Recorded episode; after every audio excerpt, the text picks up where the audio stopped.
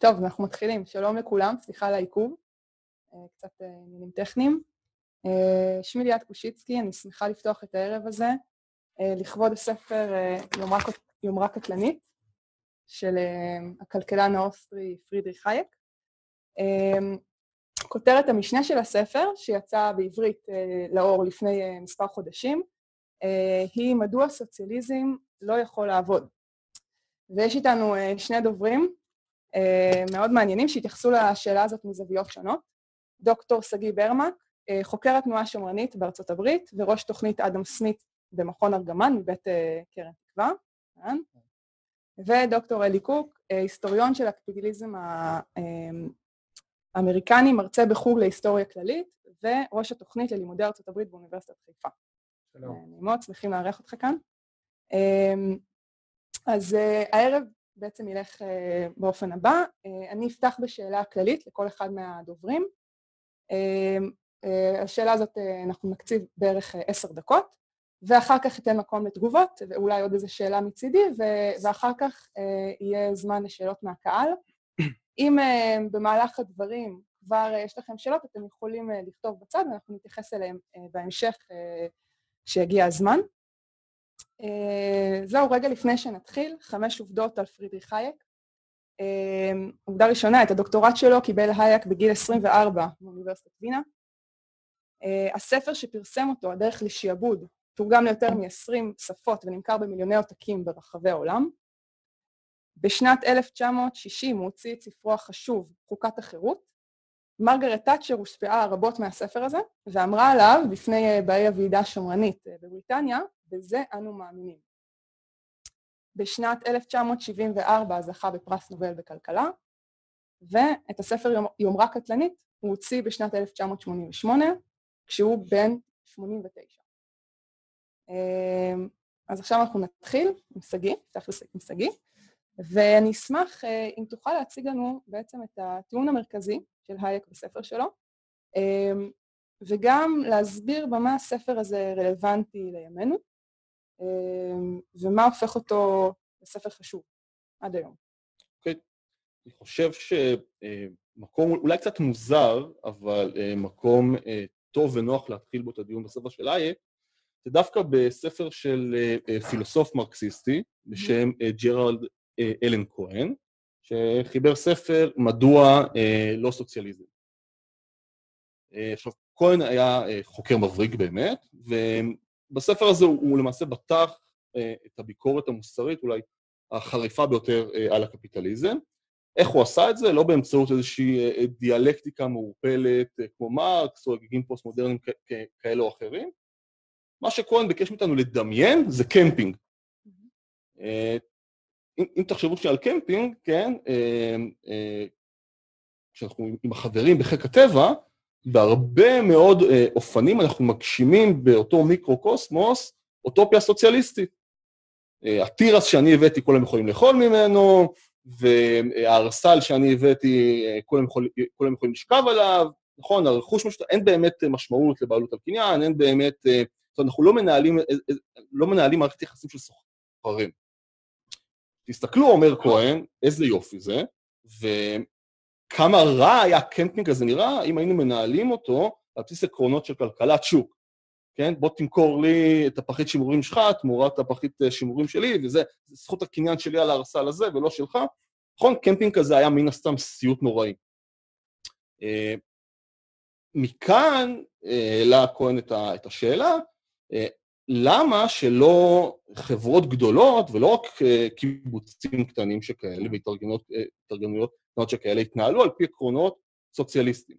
עכשיו, כהן היה באמת אה, הוגה חריף, והוא לא היה בטוח שאפשר לבצע את ההתאמה הזאת לחברה הגדולה, אבל הוא גם לא שלל את זה על הסף, וממשיכים קצת פחות ביקורתיים של כהן, הזדרזו להגיד שבאמת, שבאמת אין שום בעיה. אה, למה, למה התחלתי מהנקודה הזאת ולמה התחלתי בכהן? ובאיזה תקופה הספר הזה? אה, לפי דעתי בסוף שנות ה-80 או תחילת ה-90, הספר הזה עצמו יצא אחרי שכהן כבר מת. עכשיו, למה התחלתי איתו? כי אני חושב שגם כהן וגם אה, אה, ממשיכיו היו נמנעים מלבצע את הטעות הזאת, אם באמת הם היו אה, מעיינים בספר של אייק יומה קטלנית. כי לב הטיעון של אייק הוא, הוא בעצם להזהיר אותנו מניסיון שהוא יומרה קטלנית, לכפות את ההיגיון המסדר של הסדר המצומצם שלנו על הסדר המורחב שלנו. מהו הסדר המצומצם? סדר מצומצם זה, זה קיבוץ של אנשים, הגודל שלו זה בין עשרות למאות אנשים, שהעיקרון ששולט בו זה באמת היכרות אישית ממשית, אנחנו מכירים אחד את השני בצורה מאוד מאוד טובה, ויש בינינו דחפים ורגשות נורא נורא מוצקים של אלטרואיזם ונאמנות אישית. תחשבו למשל על, על, על המשפחה שלנו, כן? או על uh, קבוצה גדולה. Uh, לעומת זאת, הסדר המורחב הוא בהגדרה המאפיינים שלו הם מאפיינים שונים, uh, כשהסדר המורחב זה למעשה חברת המונים של זרים. Uh, ונורא נוח, נורא נוח להשוות פה למשל את uh, ראש קבוצת uh, uh, של ציידים לקטים, למשל לבעלים של שופרסל.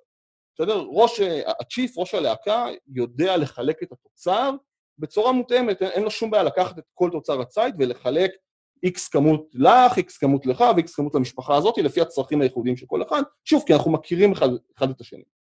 הבעלים של שופרסל, כשהוא, כשהוא בא לייצר, אוקיי, הוא לא יודע עבור מי, עבור מי הוא, מספק, הוא מספק את המוצרים שלו.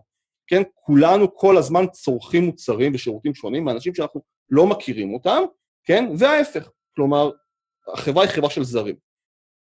איך החברה הזאת למעשה מתבססת, איך היא פועלת, על פי איזה, על פי איזה עיקרון. אז קודם כל, אנחנו לא מתנהלים בחברת הזרים הזאת על פי העיקרון של ואהבת לרעך כמוך, נכון? זה, זה עוד, עוד מאדם סמית, אני לא הולך לקצב או לאופה, כן? או, למבש, או למבשל השיחה, ואני פונה לטוב ליבם, אלא אני פונה לאינטרס העצמי שלהם, וגם אני פועל על פי האינטרס אה, אה, אה, האישי שלי. אז איך בכל זאת כולנו אה, נרתמים, ואיך בכל זאת עושר נוצר ורווחה נוצרת? אה, זאת אומרת, מה מניע את כל הדבר הזה, מה מאפשר לזה ליפול? כי בסוף כל חברה, כל, כל קיבוץ של, של, אה, של אנשים נתקל בבעיה של קואורדינציה. נכון, אנחנו צריכים, צריכים לעשות איכשהו לארגן את החברה. אה, והתשובה שלה היא ש, שמה שמארגן את זה בסוף זה מנגנון המחירים.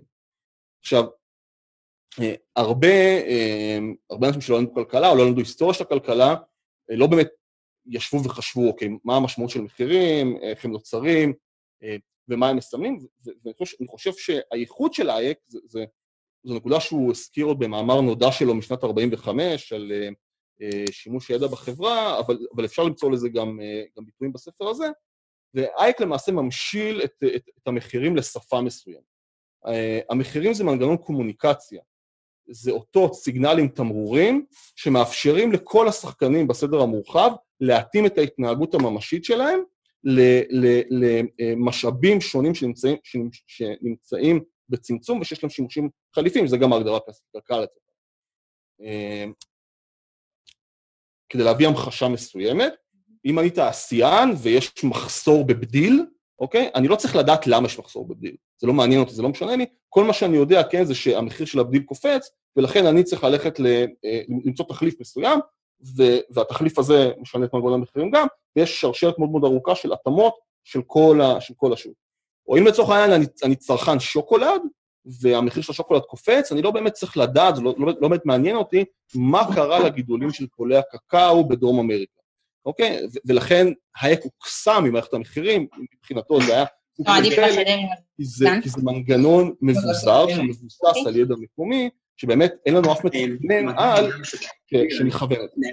ופה אולי אני מגיע לנקודה החשובה ביותר של אייק, וזה אולי הביקורת שלו על הסוציאליזם. זאת אומרת, היומרה הקטלנית זה למעשה לנסות ולהחליף את, ה, את, את, ה, את ה, איך שאנחנו מתנהלים בספירה המצומצמת על חברה גדולה, ובאמת למה זה לא אפשרי? אז אייק עונה על כך, הוא בא ואומר, זה לא אפשרי, כי לאף מתכנן מרכזי, לאף מתכנן סוציאליסטי, אין נגישות, אין גישה למה שאייק מכנה כידע של זמן, מקום ונסיבות.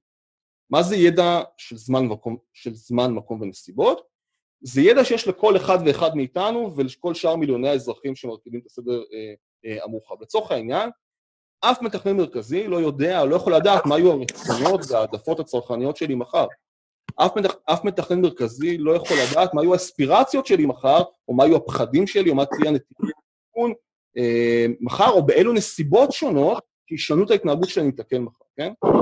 אה, להביא, דוג, להביא דוגמה פשוטה, אפשר אולי לעקוב אחרי, אה, אה, סטטיסטית, כן, אחרי אה, טיב ואופן צריכת הקורסונים שלי בבוקר.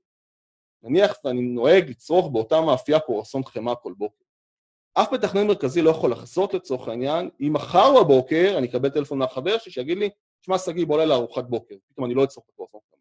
או אם פתאום יזם כלשהו ימציא טעם חדש למאפה שיגרום לי לבחור במשהו אחר.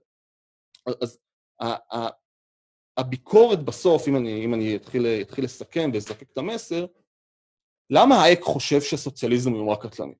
כי סוציאליזם, רק אולי שווה לתת את זה, מה זה סוציאליזם מבחינתו? אז אייק תוקף את הדגם הקלאסי, כן, הסוציאליסטי של אה, אה, אה, בעלות מדינתית על אמצעי ייצור וניסיון לכוון ולהנדס את כל המשק הכלכלי ממרכז אחד, אבל, זה האויב הראשי שלו, כן?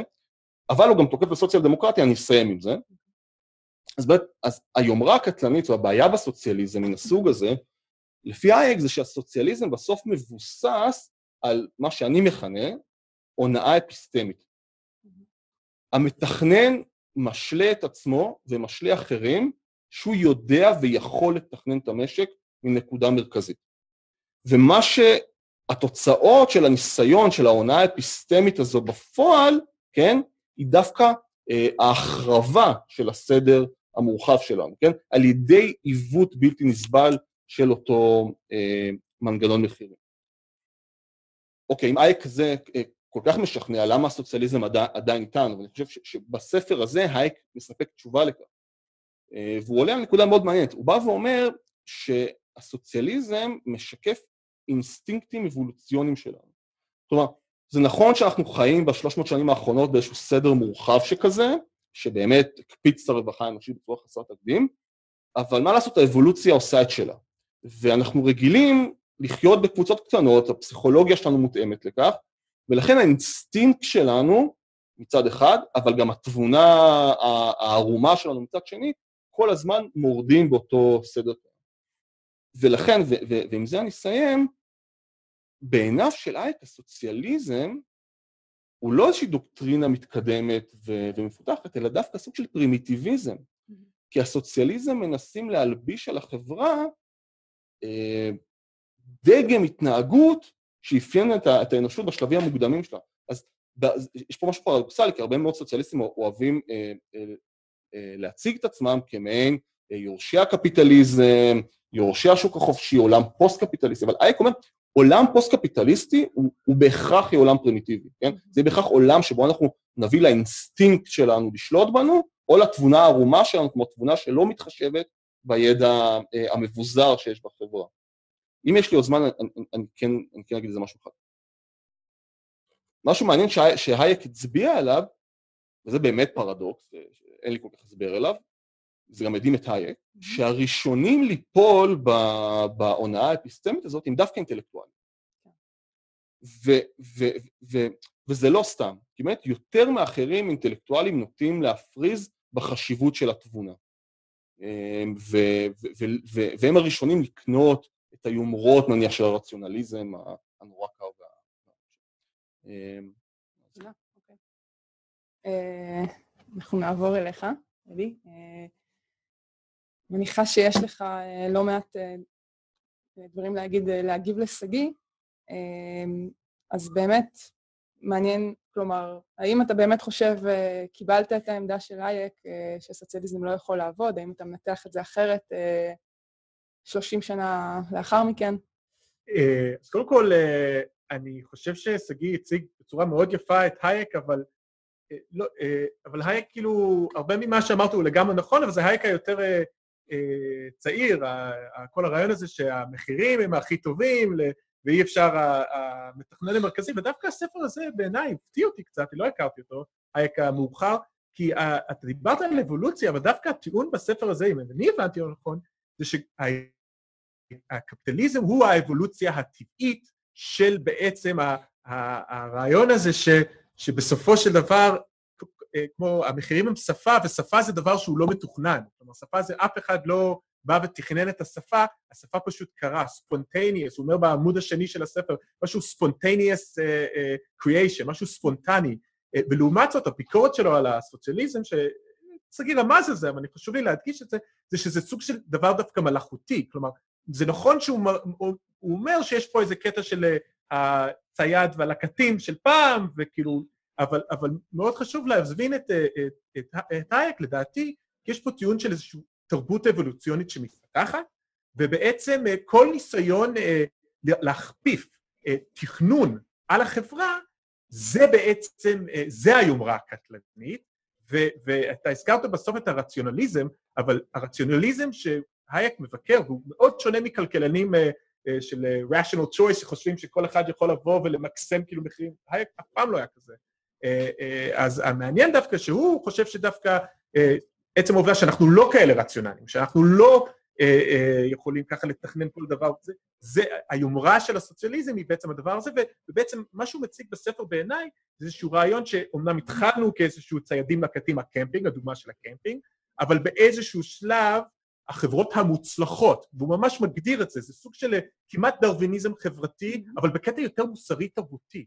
החברות המוצלחות הן אלו שהצליחו להבין שזה לא הדרך להתקדם, וצריך בעצם uh, uh, לצאת מהקמפינג ולכבוש את העולם ולהשתלט על העולם, והדרך לעשות את זה, זה, זה, זה דווקא עם דברים ש... Uh, uh, כמו זכות הקניין, ו- ו- ולהשתמש במחירים, ו- ולא להיות כזה נחמד, uh, ולחלק את התירס שלך לכולם, וכלומר, uh, אז, אז במובן הזה אני מרגיש שהטיעון פה זה שיש איזשהו uh, כיוון טבעי, במובן הזה חשבתי שהייק מאוד שמרני בספר הזה, כי יש איזשהו רעיון פה, איזושהי התפתחות אורגנית של חברה, ו, ו, וברגע שאתה מנסה להסיט מהדרך של ההתפתחות האורגנית, אתה תאבד את הדרך. זה, זה היומרה. אתה באמת חושב שאתה יכול לבוא עכשיו ו, ולקחת אה, אלפי שנים של היסטוריה שפיתחנו בצורה, אה, אה, אה, לא, לא תכננו, אבל פיתחנו בצורה מושלמת את התרבות של השוק החופשי, ועכשיו אתה הורס... אז אז אה, זה, זה, זה בעיניי הטיעון המרכזי של הספר, אה, ואני לא מסכים. אה, הסיבה שאני בעיקר לא מסכים איתו זה, בעיניי, בתור היסטוריון של הקפיטליזם, שמדוע הסוציאליזם אינו יכול לעבוד, דווקא הייתי אומר באותו מידה מדוע הקפיטליזם לא יכול לעבוד. כי אני חושב שהקפיטליזם שהייק הרבה פעמים מציג, עולם מאוד מאוד ביזורי, שווקים מאוד מאוד חופשיים, הרבה אנשים קטנים קטנים כמו אדם סמית, היד הנעלמה, כולנו עסקנים קטנים. אם היה קפיטליזם כזה, אז הוא שרד מעט מאוד זמן, והמהפכה התעשייתית הגיעה, והוא די נעלם, ולהגיד לכם את האמת, גם רוב הדברים שאנשים אוהבים בקפיטליזם, היכולת שלו להעלות את הפריון, לא הגיע בזכות השוק החופשי המאוד מאוד מבוזר הזה, אלא אם אנחנו מסתכלים על, אה, על איך באמת הקפיטליזם נוצר, אנחנו רואים שיש המון תכנון, והמון דווקא כפייה של איזשהו vision מאוד מסוים, אני היסטוריון של ארצות הברית, אה, אני חושב שרוב חבריי לימין מעריצים את אלכסנדר המילטון, הוא הכוכב הגדול של הקפיטליזם האמריקאי.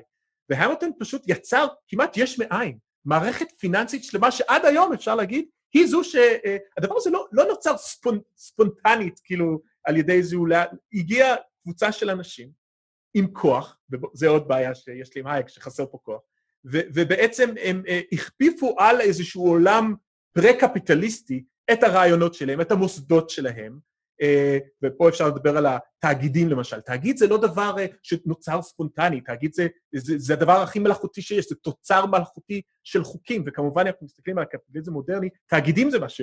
אה, ואני אביא לכם עוד דוגמה לרעיון הזה, וזה נושא שכלכלנים ימנים מוטרדים מזה מאז שנות ה-40 ו-50, מסתכלים על תאגידי ענק, ורואים שתאגיד ענק מנסה ככה להחליט כמה לייצר מ-X וכמה לייצר מ-Y, הם ישר הבינו שהוא בעצם לא משתמש במנגנון השוק. כלומר, הוא לא עושה outsourcing לכל חלק מהזה, אוקיי? וולמארט או אפל, אה, אה, אחד הדברים הראשונים שאתה לומד על החברות האלה, זה ש-they do, they internalize the mechanism. הם, הם בעצם, אה, הם צריכים עכשיו מלא מלא צ'יפים, הם לא הולכים עכשיו לעשות משא ומתן כל שנייה עם צ'יפים.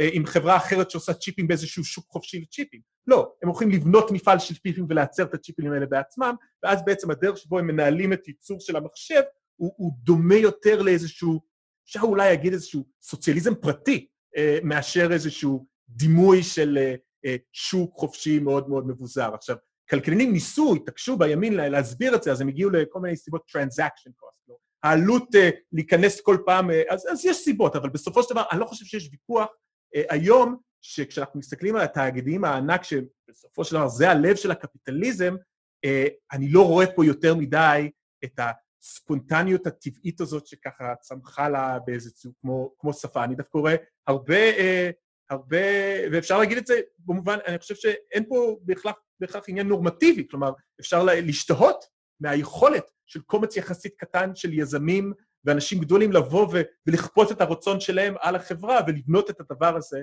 אה, בצורה אה, שאני חושב שאייק היה אומר, זה, זה דווקא הצד המלאכותי. אז זה, זה לגבי העניין הזה. אני רק אגיד בהקשר של איזה סוציאליזם וכולי, אז כמובן שאפשר לראות בתמונה שיש פה את ה-hammered sickle, איך אומרים כן, המגל וה... אז כמו ששגיא אמר, אנחנו מדברים פה על סוציאליזם לא דמוקרטי. אז הדבר שלי שאני אגיד פה זה שבעיניי אחת הדברים שאף פעם לא הצלחתי להבין מהייק ואחרים, זה שאם אתם כל כך בעד הרעיון הזה של רצונות, ביזוריות, אז דווקא השוק החופשי בעיניי זה דרך גרועה להגיע לזה. כי בשוק חופשי יש ביטוי של כלכלנים להצביע עם הארנק שלך. הבעיה היא ש, ש, שבשוק החופשי יש לתשובה מיליארד דולר, ואני כמובן עושה את זה פחות ממה, וממשפחה אחרת יש 100 אה, שקל או 1,000 שקל. כשכולנו יצביע עם הארנקים שלנו, אז האנשים העשירים יהיה להם הרבה יותר כוח, שוב המילה שחסרה פה, יכולת לכפות על אחרים, uh, כוח להחליט מה בעצם, כלומר, אז לראות את. השוק החופשי כאיזשהו מנגנון ביזורי של תעדופים של כל מיני אנשים, זה לוקח בחשבון את הפערים האדירים של אנשים שמשפיעים על השוק. בסופו של דבר, האנשים עם הרבה יותר כסף, הם יכולים להשפיע על המנגנוני מחירים בהרבה יותר. ולכן בעיניי האתגר הגדול של כל האנושות, ואני אומר את זה מימין ומשמאל, זה באמת לנסות למצוא אה, אה, מנגנונים ביזוריים שבהם אנחנו נוכל אולי אה, אה, אה, אה, באמת לשקף את הרצונות של אנשים בצורה שאחרי זה אנחנו יכולים באמת, ואני מסכים שזה לא צריך להיות דיקטטורה טוטליטרית של תכנון מרכזי, אבל מצד שני, אני לא, אני לא חושב שזה גם השוק החופשי. אוקיי, תודה. אז שגיא, בעצם אלי אומר שכללי הסדר המורחב שהיה כל כך מהלל, הם אה, מהר מאוד אה, לא, או שהם התקיימו זמן קצר מאוד, שלא התקיימו בעצם מעולם, כי הם מהר מאוד אה, נדרסו תחת מנגנונים גדולים של תאגידים גדולים שבעצם תכננו בעצמם, קבוצות מאוד מאוד קטנות שתכננו בעצמם את, ה, את הכלכלה, שתטיב איתם. כן. אז אני מתייחס לזה, אני דווקא רוצה אבל להתחיל מהתייחסות לנקודה האחרונה שלך, על ההצבעה עם הארנק לעומת, לעומת הצבעה בדמוקרטיה, ובאופן כללי, הטענה לפיה הייק התייחס דווקא, דווקא לדיקטורות. אז אני חושב ש... נכון, הייק... לא, צריך להגיד שהייק גם מאוד לא אהב דמוקרטיה. בדיוק, הוא היה אנטי-דמוקרט. זו בדיוק הנקודה שאני רוצה להגיד, אז אני לא חושב שהייק היה אנטי-דמוקרט, הוא היה דמוקרט, אבל הוא רצה ש, שנבצע הבחנה מאוד מאוד חשובה בין אה, דמוקרטיה שהיא מוגבלת לבין דמוקרטיה שהיא נטולת הגבלה. כי במחש, במחשבה של אייק, אה, זה שהרוב שולט, זה יכול להתבטא גם בעריצות שהיא לא פחות גרועה, ואולי אפילו יותר גרועה, כן, מאם אריסטוקרטיה שולטת או, או, או איזשהו יחיד שולט. אז הייק מאוד מאוד הוטרד, מ... והוא הקדיש את כל הכרך השלישי שלו למעשה, ניסיון למצוא uh, חלופה פוליטית, כן, דגם של uh, מבנה חוקתי כלשהו, שלמעשה יגביל מעט את, את, את הדמוקרטיה. כי, כי מה החלופה? זה לא שהחלופה שלנו לתשובה לצורך העניין, זה איזשהו רצון רוב רומנטי. לא, החלופה שלנו זה מה שאנחנו רואים עכשיו, זה קבוצות אינטרס שמצליחות להתארגן על חשבון אה, כלל הציבור, ומקורבים, אה, עסקנות, אה, לפעמים מהסוג ומהזן הציני ביותר, והייק היה מודע לזה לחלוטין. אז זה בנוגע לדמוקרטיה. בנוגע לנקודה של התאגידים והנקודה של הספונטנית, אני חושב, אני חושב שאנחנו צריכים לעשות טיפה סדר אולי למה הכוונה בספונטני, כן? אה, הייק, איך שאני מבין אותו, כן? הוא לא רואה אה, בקבוצה של אנשים שמנס, שמנס, שמנסה לשנות את המציאות משהו לא ספונטני. לא. אה, אה, פעולות אנושיות, אה, סוכנות אנושית, מודעות אנושית, בין אם של פוליטיקאים או בין אם של שחקנים כלכליים, זה לחלוטין חלק מההיסטוריה, זה מה שבני אדם עושים, הם פועלים ומנסים לשנות את המציאות. אני חושב שמה שהייק מתכוון בסדר ספונטני זה באמת סדר שהוא תוצר של מעשים אנושיים, אבל בסוף התוצאה שמתקבלת, כן, היא לא של כוונות אנושיות, כן? אה, אז השוק נוצר, כן? מחירים נוצרו, אה, השפה נוצרה, מערכת המשפט נוצרה, כן? אבל האופן שבו היא בנויה היום זה לא שאיזשהו מישהו ישב ותכנן איזה בלופרינט כאילו בראש שלו, והוא תכנן שככה זה יהיה. ולכן אתה בהחלט יכול אה, אה, להסתכל ולהתייחס לתאגידים כל עוד הם צברו את הכוח שלהם בדרכים חוקיות, כן? כהתפתחות ספונטנית מסוימת של קפיטליסטית, אפשר להתווכח האם ההתפתחות הזאת היא טובה או לא טובה. אבל אני חושב שזה כן מעניין אה, להצביע שהאייק לא הוטרד יותר מדי מתאגידים. אה, ואנחנו צריכים לשאול את עצמנו למה, אוקיי, אז למה האייק לא הוטרד מתאגידים? אז אני יכול, אני יכול למנות שתי סיבות. אה, אז קודם כל הוא, הוא הבין ש, ש, שתאגידים הם לא מבנים קבועים. תאגידים צומחים ותאגידים נופלים. עסקים גדולים עולים ועסקים אה, גדולים נופלים. ו, ודווקא פה הדוגמה של הדמוקרטיה היא מאוד מאוד טובה, כי בסוף, מה לעשות שבשוק מי שמצביע זה הצרכן. בסוף אה, אה, אה, חברות גדולות, תאגידים גדולים, הסיבה שהם גדולים, הסיבה שהם מצליחים, והסיבה שאחרים הם פחות גדולים ופחות מצליחים, זה בסוף כי אני ועוד מיליוני אנשים אחרים, כן, מוכנים, לש... מוכנים להביא את הכסף שלנו תמורת המוצרים והשירותים שלהם. זה דבר אחד. אמ, ובמובן הזה אז הייק באמת היה הרבה פחות מוטרד מתאגידים, כן, מאשר מדינות, אז יש, יש פה עוד היבטים נורמטיביים, כן, שמדינה יכולה להפעיל עליך כוח, יכולה למסות אותך תחת רצון שרירותי של רוב מזדמן כזה או אחר, מה שתאגיד באמת לא יכול לעשות. כן, בסוף מי שיכול להכניס אותי לכלא זה לא התאגיד, זה המדינה. בסוף מי, שיחליט, מי שיכול להחליט שהוא מטיל עליי מס כזה או אחר, זה המדינה ולא התאגיד. אז, אז אני לא באמת חושב שבראייה אה, שלה זה בעיה. דבר אחרון אולי, זה, שאני מסכים איתך, זה ספר מאוד שמרני של הייק, והייק הוא, הוא בהחלט נבדל מהרבה מאוד הוגים ליברטריאנים, כן. ואפילו מהמורה שלו, אה, אה, מיזס לצורך העניין, כן, שהוא, שהוא תועלתן קר כזה, הייק באמת, אה, היה לו מפנה מסוים של אבולוציה תרבותית. זו הדרך הנכונה מבחינתו להסתכל על ההתפתחות ועל הקדמה האנושית. וכן, ואני חושב שהוא מצביע על כך שהסדר המורחב, שהשוק החופשי, זכויות קניין יציבות, מנגנון, מנגנון מחירים ספונטני, הם באמת הישג נורא נורא שברירי ומאוחר בהיסטוריה שלנו, ו, ולכן היה לו כל כך חשוב אה, להגן עליו, לא רק מפני דיקטטורות, אלא גם מפני דמוקרטיות, כי, כי באמת, בסוף מה שקורה, אני חושב שזה נכון לאייק, אבל זה נכון לגבי כל העמדה הכלכלית-פוליטית שהוא מייצר, כן? באיזושהי הבנה שאנחנו צריכים להסתכל, להפסיק להסתכל בצורה נאיבית על דמוקרטיה, ואנחנו צריכים להבין שיש לך שתי דרכים בסוף אה, להרוס את מנגנון השוק. דרך אחת זה פשוט להקים אה, אה, גולגים ולהעלות, ולהעלות דיקטטורים שבאמת עושים את הסביבה לבלתי נסבלת, אבל הדרך השנייה היא להרוס את מנגנון, את מנגנון, מנגנון המחירים, באמצע, על ידי התערבויות חוזרות ונשנות ובלתי פוסקות, על ידי אנשים טובים שרוצים לשפר ולהטיב עם מצבם של אנשים, שמייצגים קבוצות סקטוריאליות אה, שונות, ואם אתה שואל את עצמך האם זכויות הקניין מוגנות היום במערב, אה, אני לא חושב שמישהו יכול להגיד שכן, כי אתה לא יודע מה, אתה לא יודע מה, מה יוליד יום. אפשר okay, אוקיי, להגיד כמה? Uh, כן, אני אעשה את זה קצר. כמה דקות ואנחנו... כן, כן, ממש קצר. Uh, אני רק אגיד אתה יודע, אנחנו יודעים לאן השיחה הזאת תלך, נכון? כל דבר שהוא בשוק הפרטי הוא ספונטני וטבעי ונובע מהדחפים הפנימיים של מיליוני בני אדם, זה, זה, זה הדמוקרטיה האמיתית, אה, להצביע עם הארנק שלך, למרות שיש הרבה אנשים בלי כלום והרבה אנשים שיש הרבה, אה, ואני, אה, וכולי. אז אני רק אגיד בהקשר הזה, שבגלל זה חסר לי כל כך איזשהו דיון על כוח, על כוחנות. הספר הזה הוא הוא נאיבי לדעתי דווקא. הנאיביות פה היא, הרעיון הזה, המאוד חביב הזה, ש, שהכל צומח, there's a functionalism here, שכאילו הכל צומח בצורה אורגנית, ולכן כל דבר שאתה רואה, אה, הוא כנראה הכי טוב. כי אם לא, הוא לא היה. זה, זה אבולוציה גם, נכון? אז הוא, אז הוא משליך את זה. אז הכל טוב, הכל טוב, טוב. רגע, רגע, הנה משהו שאני לא אוהב. אוקיי, רגע, לא, זה מלאכותי. כלומר, ככה אני מרגיש קצת. כלומר, ברגע שמגיע משהו שלא עומד בקריטריונים שהייק החליט שזה האורגני, הוא מוציא את זה, כאילו, מ... מ למה זה לא, כאילו, אתה מבין? כן. אה, אז, אז בהקשר הזה. אבל דבר שני, גם חושב ש... אתה יודע, באמת תעדופים של אנשים, שזה הלב של... תשמע, אתה יודע, בתור הורה לשלושה ילדים, מי, מי מפמפם את הילדים שלי 24/7 בפרסומות, מה לקנות, איך להיות, מה זה אישה, מה זה גבר, Uh, התאגידים הם הרבה יותר חזקים בעיניי ממשרד החינוך שאני הולך, שולח את הילדים שלי, מקווה שהם יקשיבו שש שעות ביום.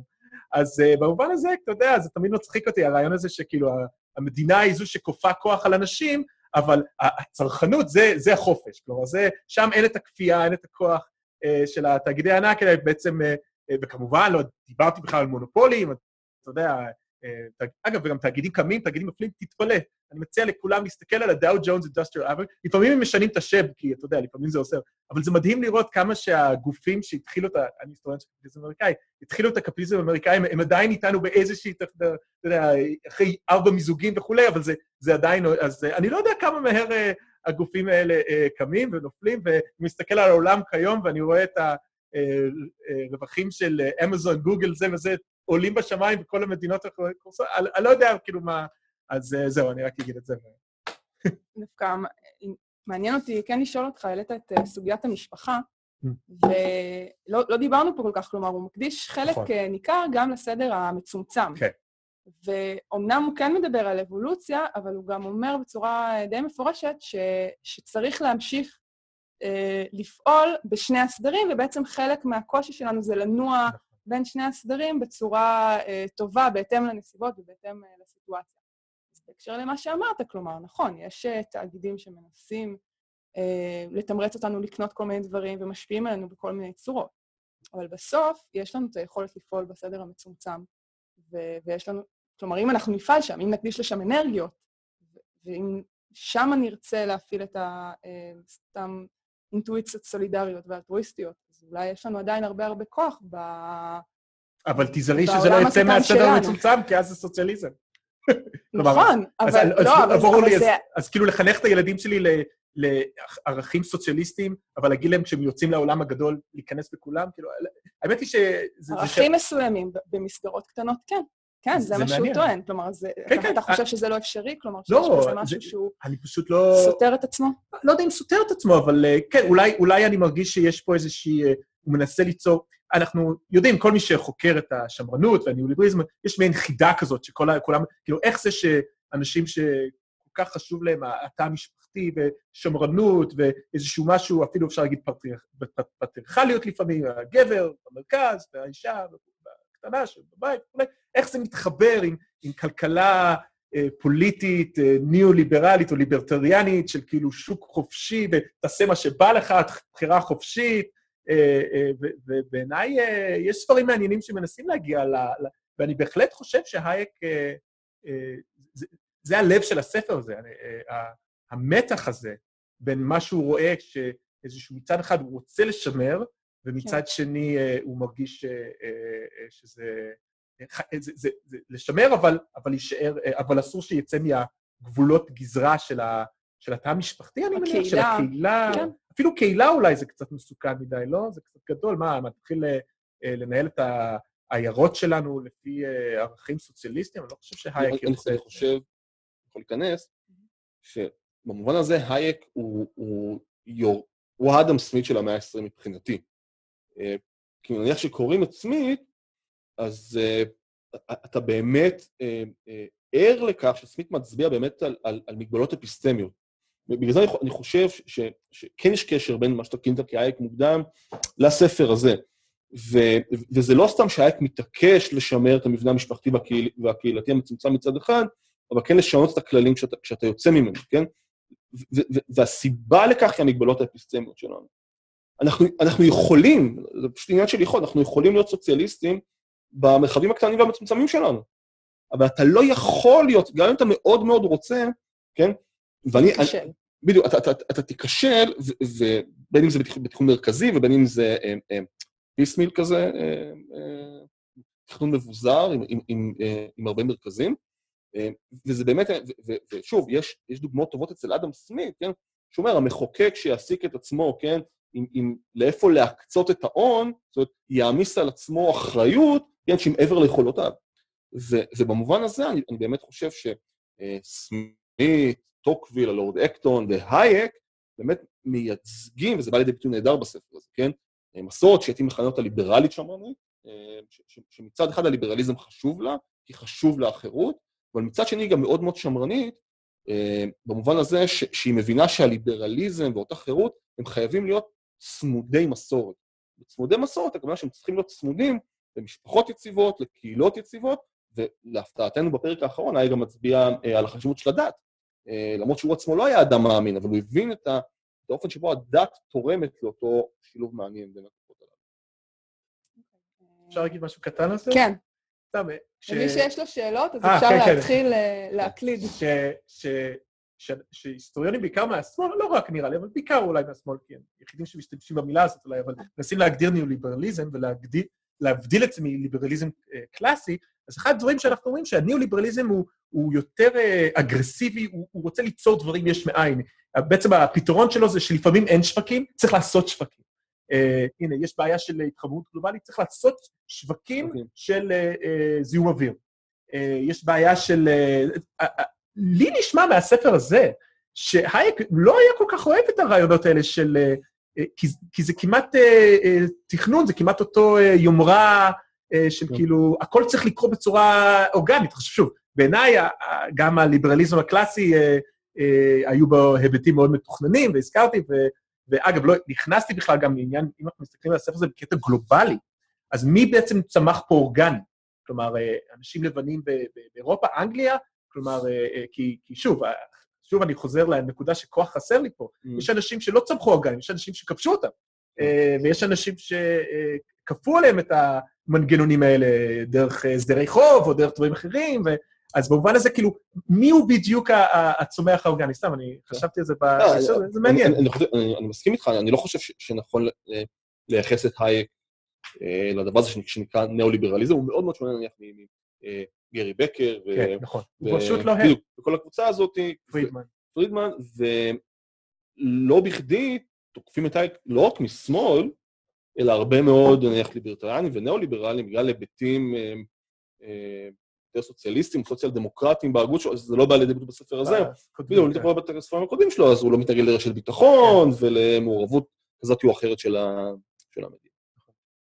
טוב, אז יש פה כמה שאלות. וואו, רגע. ככה. יש פה מישהו ששואל, עידו שואל, למה בעצם אה, אה, אלי, אתה ציינת שהתאגידים הם בעצם לב הקפיטליזם, זה בעצם, אה, כלומר, זה איזושהי הנחה, אומר, אם זה, זה לא אמירה של מרס, כאילו איזושהי הנחה של...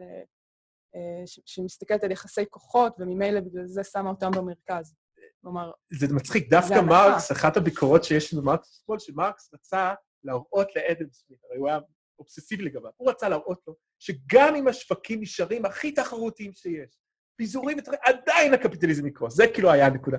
אבל, אה, אבל דווקא, אתה יודע, כשאני מסתכל על, אה, אתה יודע, תסתכלו אתם על... אה, תיקחו את כמות הכסף שאתם מוצאים בחודש, לאן הוא הולך. אז חוץ מאולי הספר המקומי שלכם, הקיוסק המקומי, כאילו, בואו, בואו, אני לא חושב ש... ברור שהגופים הכלכליים המרכזיים בחיינו, הגופים הקפיטליסטיים המרכזיים בחיינו, וזה ככה מאז אמצע המאה ה-19, זה, זה תאגידים גדולים. כלומר, זה, זה, זה בהחלט הלב של המערכת הכלכלית. שוק ההון, שזה, אה, זה... הטיעון הנגדי, אם כבר, הטיעון הנגדי של ה... אני, עכשיו אני כזה אגיד מה, מה הליברטריאנים היו אומרים. אה, אז הליברטריאנים לא, יש תאגידי ענק, זה נכון, אבל יש מעל התאגידי ענק האלה שוק שדיסציפלינס them, שמכריח אותם כל הזמן למקסם מחירים ולהתרוצץ, ואם לא יעשו את זה בצורה, אולי יבוא מישהו ויקנה אותם וכולי. אה, אז אם כבר, אני לא חושב, להגיד שתאגידי ענק הם לא הקפיטליזם, זה בעיניי מופרע. אפשר לנסות להגיד אולי שהתאגידי הענק האלה גם צריכים, אה, אבל אה, אני, אני פשוט לא חושב שזה נכון, אני חושב שיש להם הרבה פעמים כוח מונופוליסטי או כוח אוגופוליסטי, זה בעצם המודל הקפיטליסטי היותר נפוץ. אדן סמית היה בחור מאוד מקסים וחמוד, אבל הוא היה ב-1770, שבאמת הרוב עסקים קטנים, אה, אה, רוב הפיתוח העסקי מאז, אנחנו רואים פה על איגודי, מרג'רס, איך קוראים? כן, לא התאגדויות, לא? מרג'רס. מיזוגים, מיזוגים. מיזוגים ואיחודים, ויתרונות לגודל וכולי, ואני ממליץ לכולם לקרוא, יש ספר מצחיק שיצא עכשיו, שקוראים לו Walmart, The Great Republic of Walmart. אני מנסה לשכנע שוולמארט זה בעצם פרויקט קומוניסטי אדיר, כי זה הכל תכנון מרכזי, יש שם איזה...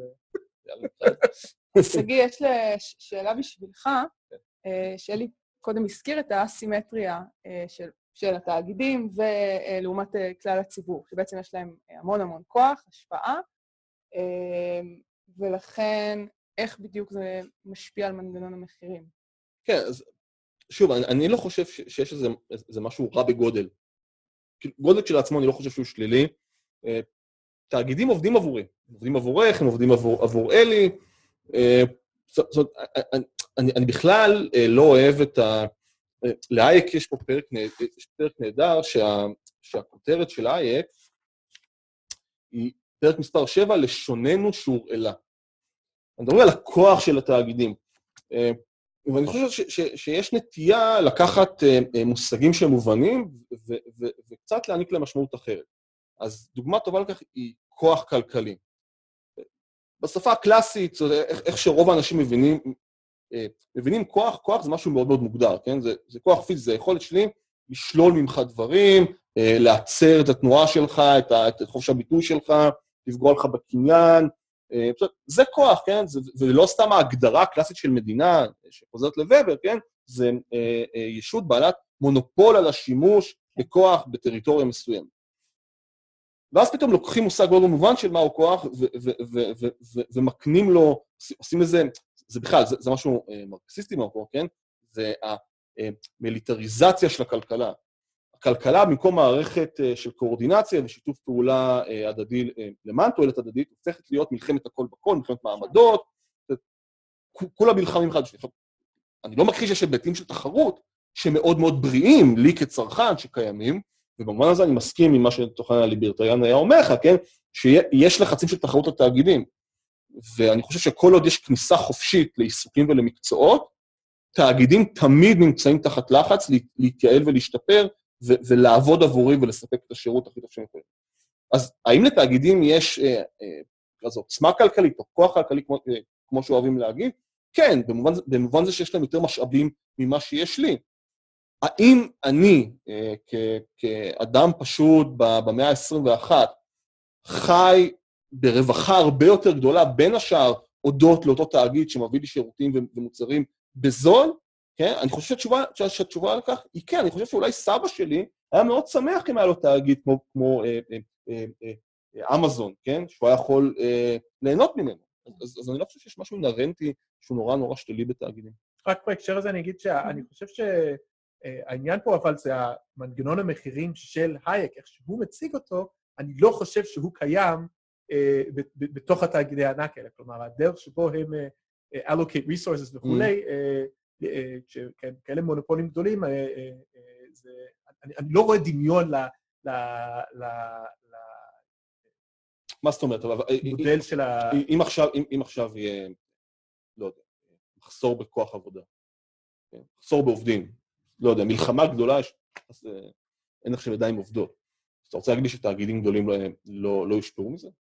לא, אבל אני חושב שגם תאגידי ענק, אתה יודע, הם, הם, הם, הם כל הזמן משפיעים על הביקוש והיצע. כלומר, נגיד, אה, ביקוש והיצע זה רק, כלומר, לגופים האלה יש כוח אדיר. אגב, דיברת גם על entry, barriers to entry, אבל לך תתחרה במפלצות האלה אם אתה לא מפלצת בעצמך, אבל יש, פתאום לקום ולהיות מפלצת, זה, זה לא דבר שקורה אתמול. אז, אז, אז זה כאילו, אז במובן הזה, הרי היופי ב, ברעיון של אדם סמית היה very low barriers of entry, כלומר, זה היה המפתח של כל המודל. Uh, הוא דמיין עולם שבו, אתה יודע, אם אני uh, מייצר uh, כפפות ואני רוצה, הופ, אני יכול עכשיו לייצר כובעים, mm. ולא נראה שזה... אבל זה כבר דיון אחר. אוקיי, okay, יש פה עוד שאלה שקשורה קצת לנושא אחר. איך אפשר לשמור על משפחות וקהילות יציבות, כאשר במקביל הדחיפה היא לתנועות הון חופשיות שיוצרות אי-יציבות משמעותית של מקורות העבודה והפרנסה של המשפחות והקהילות? לא בטוחה שהבנתי עד הסוף, נראה לי שזו יותר שאלה לשגיא. אה, אמ, אוקיי. ש... אז אולי כבר אני אנצל את השאלה הזאת כדי באמת לענות לנקודה חשובה שלי, אלא על המתח באמת בין אה, כן. תא משפחתי יציב לשווקים. אז קודם כל, אני, חשוב להגיד שיש מתח מסוים, נקרא לזה תפיסת, תפיסת העולם הליברלית השמרנית, זאת אומרת, אני לא חושב שיש פה אה, אה, פשוט כפפה ליד. בהחלט יש מתח בין הרצון שלנו אה, לשמר על אה, אה משפחות יציבות מצד אחד, לבין הקפיטליזם, שאחרי שום פטר תיאר אותו כערס יצירתי, כן, לפעמים אני צריך לעזוב, אני, למקומות אחרים, להזדמנויות תעסוקתיות כאלה ואחרות. אני חושב שללא ספק הקפיטליזם אה, אה, מעמיד אתגרים אה, מסוימים. אבל אני רוצה להצביע על שתי, על, על שתי נקודות, זאת אומרת, אולי חורק טיפה מהספר של רייק, אבל כן, חשוב, כן חשוב לשים אותם. קודם כל, היסטורית אנחנו יודעים ש, שמשפחות ו, וקהילות וחברות שמרניות וקפיטליזם הלכו ביחד. לא יודע, אני חושב על ארצות הברית של סוף המאה ה-18 של, אה, של המאה ה-19, זו חברה מאוד קונסרבטיבית, זו חברה שבה כולם קוראים, קוראים את התנ"ך, כן? זו חברה שכולם הולכים לכנסייה, כולם, אני כמובן, אה, אני כמובן, כן. מקצין, כן, אבל זו, משפחה, זו, חברה שבה המשפחה היא מאוד מאוד יציבה. ו, וכשאתה מסתכל על מתי המשפחה מתחילה להתפרק, כן, מתי יש סדקים במבנה המשפחתי, אמ, אז אני אטען שדווקא אתה יכול להצביע על קורול... אני, אני אטען שזה קשר סיבתי, אבל בואו נהיה יותר צנועים, אתה יכול להצ- להצביע על קורולציה, שדווקא עם הגדילה וההתבססות של מדינת הרווחה, נניח בארצות הברית, אתה, אתה רואה איך המשפחה דווקא מתחילה אה, אה, אה, להתפורר טיפה בגלל שינויים במערך התמריצים. אה, אז, אז אני חושב שלמרות שקיים מתח, זה, זה, זה כן יכול ללכת ביחד, ודווקא המדינה היא משהו שיותר צריך... כלומר, קיים להדאיג מתח, אותנו. אבל כשיש טוב, תכנון, זה- זה זה בתור יותר היסטוריון גרוע. אמריקאי, זה אני לחלוטין לא מסכים. אני חושב שהתקופה שארצות הברית הייתה בשיא השמאלנות שלה, שהמדינה, זה כמובן הניו דיל, ואתה יודע, לימודים חינם, משכנתה מסובסדת, אתה יודע, ליברטריאנים שונאים אה, ניו דיל וזה, ודווקא אז, כאילו, היה את ה... אפשר להגיד את השמרנות המשפחתית הכי כאילו 50's, האבא והאימא בבית, האימא לא... ודווקא, ה- עם ה... כמו שאמרו פה, המתח הזה שקיים, עם התנועות הון החופשיות, דווקא כשמתחיל הגלובליזציה, וכבר לא רוצים לשלם לגבר המפרנס היחיד הזה, כי וואלה, במקסיקו הוא יעשה את זה בזול יותר, והייק יגיד לנו שחייבים ללכת למקסיקו, ואז מה הדבר שקורה בשנות ה-80? אפשר להסתכל על הגרפים, נשים יוצאות לשוק העבודה. למה נשים יצאו לשוק העבודה? יצאו לשוק העבודה כי לא היה ברירה, צריך לסגור את החודש. אגב, כל המודל הניאו-ליברלי החדש היום, שנתניהו היה, כל המודל בכלל זה להוציא אנשים מהבית, להכניס אותם לשוק העבודה, וצריך לקצץ קצבאות, מה פתאום מישהו יושב בבית, שילך לנקש שירותים בשכר מינימום, השתגעתם? זה מה שהוא צריך לעשות, זה אתה החלום אומר שזה הישראלי. תומך ב- ביציאת עבודה, ביציאת נשים לעבודה? חד משמעית, חד משמעית, מה זה, זה ברור. אז טראמפ טוב לנשים. טראמפ הוא דמות קצת מורכבת, טראמפ הוא לא ניאו-ליברל בעיניי, טראמפ הוא איזה איזשהו ניסיון, כשטראמפ מדבר על make America great again, הוא דווקא מדבר על הגברים הלבנים, ואומרים, זוכרים איך היה בשנות ה-70? שהייתם מפרנס יחיד, אשתכם היה בבית, ואגב, יכולת גם להרביץ לה וכנראה לא היו עושים לך שום דבר, זה במאמר מוסגר, אה, שגם זה צריך להגיד חלק מתא משפחתי, אבל אה, אה, שמרני ו... אה, לא שמרני, לא התכוונתי, אה, מסורתי, אין מה לעשות, פטריארכליות הולך איתנו משחר ההיסטוריה. אז, אה, אז בהקשר הזה, אז אני דווקא חושב שהמתח אה, של ה... אתה יודע, זה, זה אתגר לא פשוט, אה, אה, לתמוך בשוק חופשי, ועדיין התא המשפחתי הזה, זה באמת, בהצלחה עם זה. אוקיי, בואו נראה, יש לנו עוד שאלה אחת שהיא... אוקיי. שאלות ארוכות מדי, כן. יותר נעימים.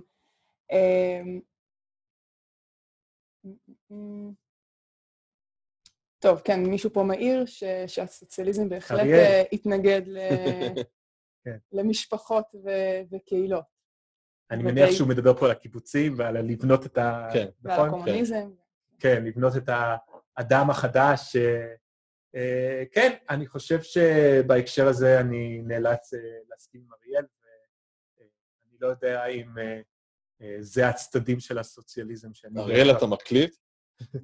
אה, שאני בהכרח... אה, בתור אמריקאי שלא גדל בקיבוץ, אז אני... אני אבל אה, אני חושב שבהקשר הזה, אבל ה, ה, כמו שדיברתי עליו קודם, דווקא ה, אם חשוב לך איזושהי יציבות וכולי, אז, אז אה, רשת ביטחון משמעותית מאוד, ולא איזשהו...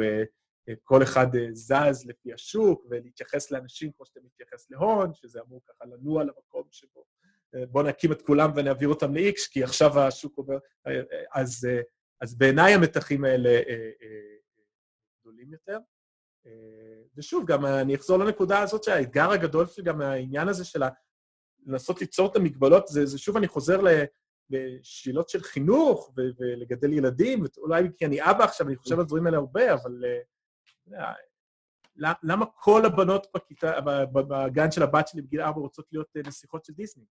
אה, כן, אבל, אבל אה, אני חושב שאתה, טיפה, טיפה נוטה להפריז, ו, ו, אם תשים שנייה בצד ילדות בנות ארבע, אה, תחשוב עליך כאדם מבוגר, האם פרסומות של תאגידים מצליחות להשפיע עליך בצורה, בצורה משמעותית?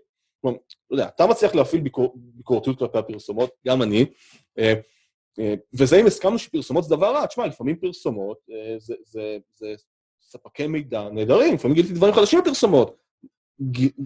ידעתי על, פתאום ידעתי על קיומם של שירותים ומוצרים חדשים, ש, שטרם נחשפתי אליהם, אז אני חושב, ש, ש, אני חושב שיש פה... וגם יכול להיות שילדות מותר ואוהבות נסיכות של דיסני, כי לא בגלל שהפרסומות אומרות להם לאהוב אותם, אלא כי באמת הן אוהבות נסיכות ודברים שקשורים ל...